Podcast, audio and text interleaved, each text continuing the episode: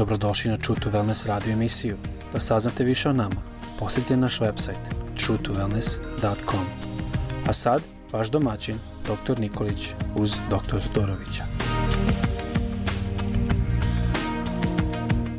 Dan, dragi slušalci. Moje ime je dr. Todorović. Ja vas pozdravljam iz Floride.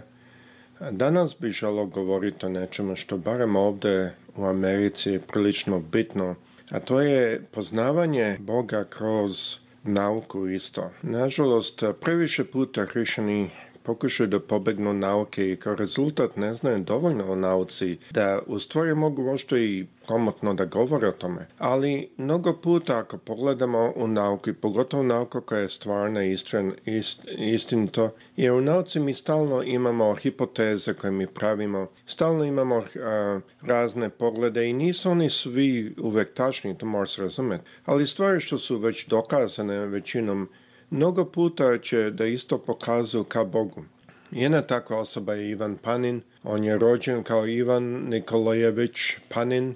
Um, o njemu piše u Bilkopiri, slobodno pročitajte o njemu, a nije ništa nepoznato. On se danas zove kao otac biblijskih brojeva.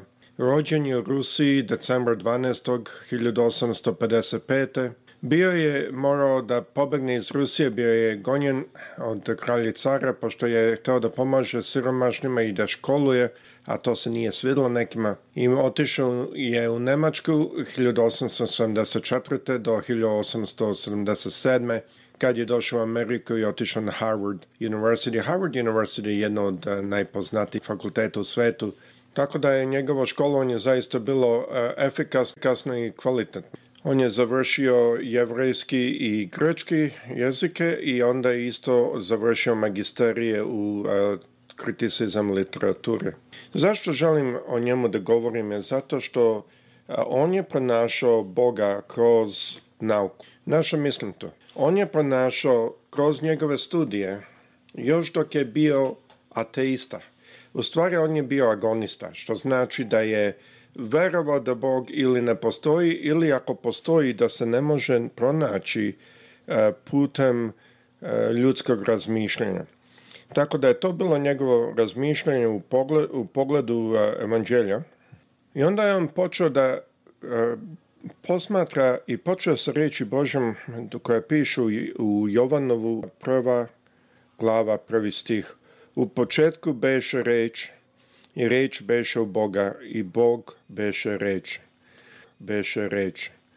Zanimljivo da je tako napisano. I mnogo puta kad ja vidim nešto u Bibliji tako napisano, to znači da ima tu nešto malo dublje. Panin je počeo sa ovim stihom i počeo da razmatra taj stih tako što je uzeo originalna slova u grčkom. I vi znate, mi to imamo isto, a, ta rimska slova, na primjer, a da slovo je isto i broj. U grčkom jeziku je tako bilo za puno slova, a manje više sva. Sva slova su isto bili brojevi.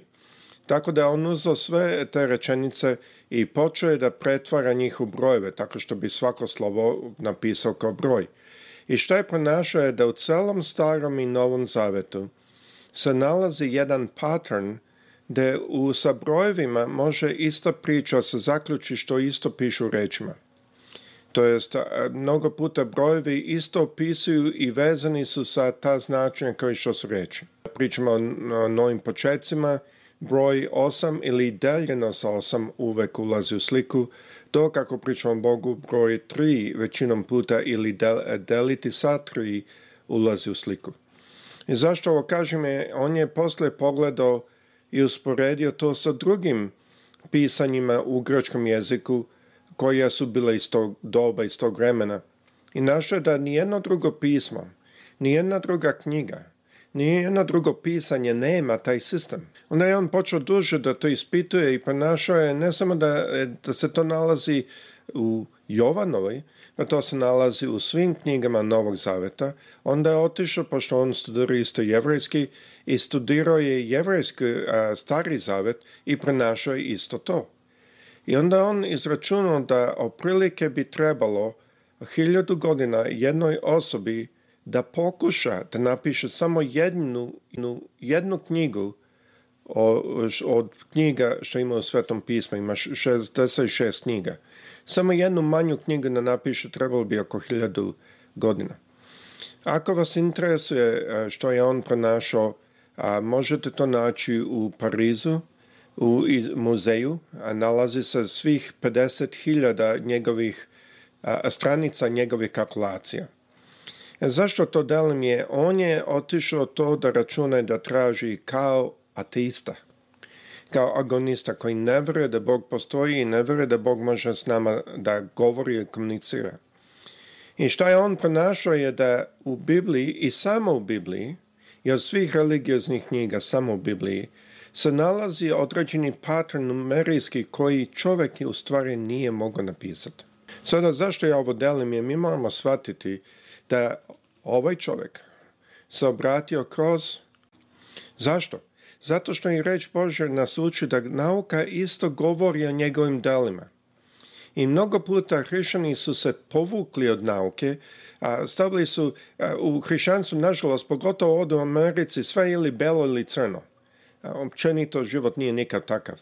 I onda a, mnogo puta ovdje u Americi čak mnogi hrišćani šalju svoju decu u hrišćanske škole da ne bi slučajno bili išli u redovnu školu i naučili stvari na načine koji se njima ne sviđa.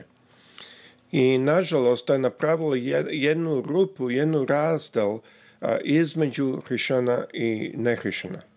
I tako da mnogo puta ovde hrišćani pokušaju da svedoču ljudima koji ne veruju u Boga, kao što sam ja bio, ja sam bio ateista, dok se nisam obratio i ne umeju da im priđu.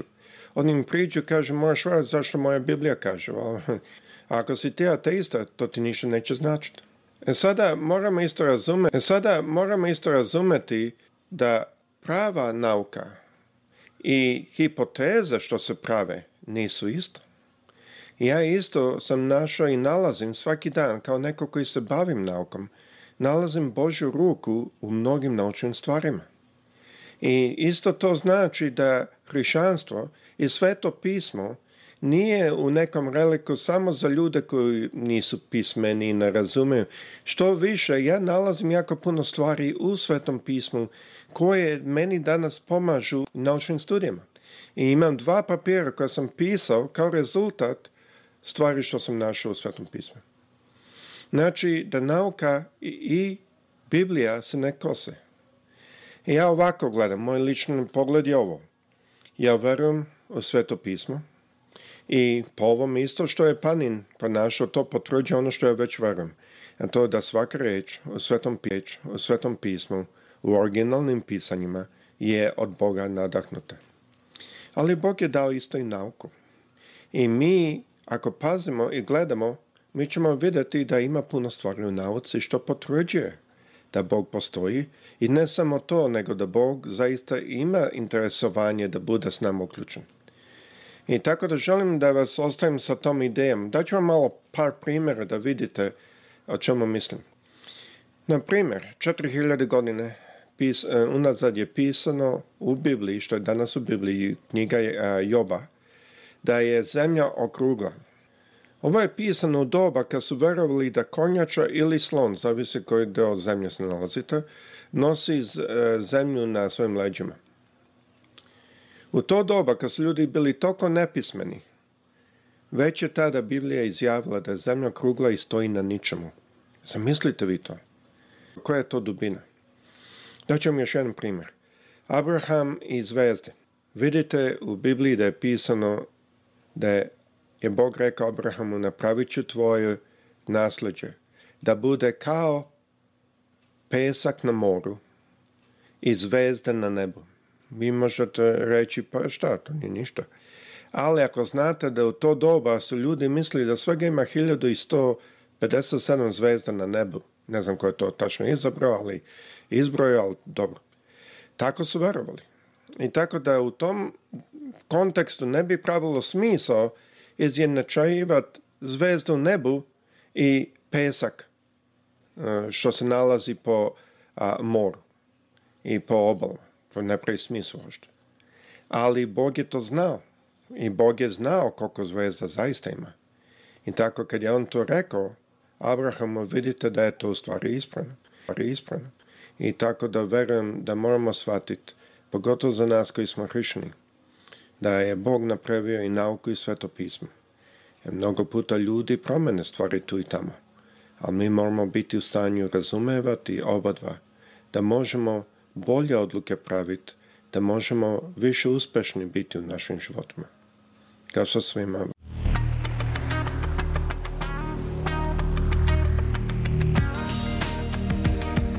Slušate True to Wellness radio emisiju. Pridružite nam se ponovo svaki utorak, četvrtak i subotu. Za kontakt molimo posetite naš website truetowellness.com. Naša email adresa je info at truetowellness.com.